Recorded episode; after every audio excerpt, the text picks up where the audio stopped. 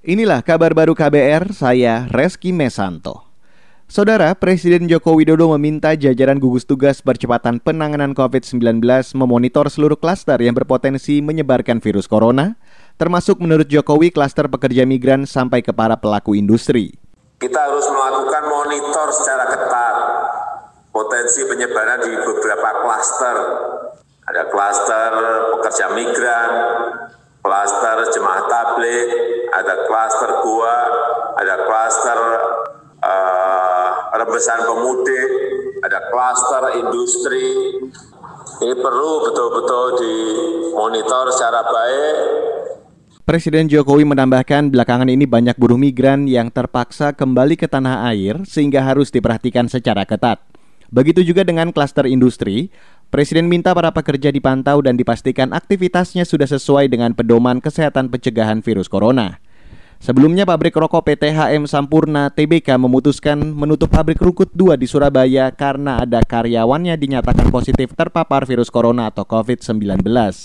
Penutupan dilakukan hingga waktu yang akan ditentukan kemudian. Sementara itu, Kepala Tim Tugas Percepatan Penanganan COVID-19 Doni Monardo mengatakan Indonesia kekurangan jumlah tenaga medis untuk menangani lonjakan angka pasien. Karena itu Doni berharap masyarakat mematuhi ketentuan pembatasan sosial berskala besar atau PSBB supaya tidak terjangkit virus corona. Untuk diketahui jumlah dokter paru kita adalah 1973.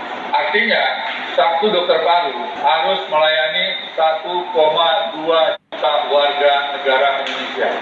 Sehingga ketika kita membiarkan diri kita terpapar dan lingkungan kita juga terpapar, di daerah itu tidak ada dokter paru, sangat terbatas.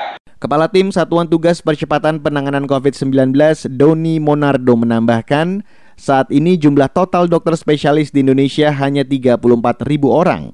Artinya, rata-rata seorang dokter spesialis harus bekerja menangani lebih dari 7 pasien positif COVID-19. Kondisi ini membuat para dokter kelelahan, turun imunitasnya dan rentan terinfeksi virus corona. Kita beralih ke mancanegara, 5 mahasiswa Indonesia di Moskow, Rusia positif terjangkit virus corona. Konselor protokol dan konsuler KBRI Moskow Lucy Surjandari menjelaskan kondisi para mahasiswa itu stabil, kelimanya dalam perawatan di sanatorium Moskow. Menurut Lucy, KBRI Moskow membantu menyediakan bantuan bahan pokok, masker, dan vitamin. Bantuan bukan hanya untuk kelima mahasiswa yang positif COVID-19 saja, tapi juga 1.300-an WNI yang ada di Rusia dan Belarus. Menurut data dari Lembaga Perlindungan Konsumen setempat, total positif COVID-19 di Rusia lebih dari 134 ribu kasus. Jumlah meninggal 1.200-an orang, jumlah sembuh lebih dari 16 ribu orang. Saat ini pemerintah Rusia masih memperlakukan masa karantina mandiri hingga 11 Mei 2020. Demikian kabar baru KBR, saya Reski Mesanto.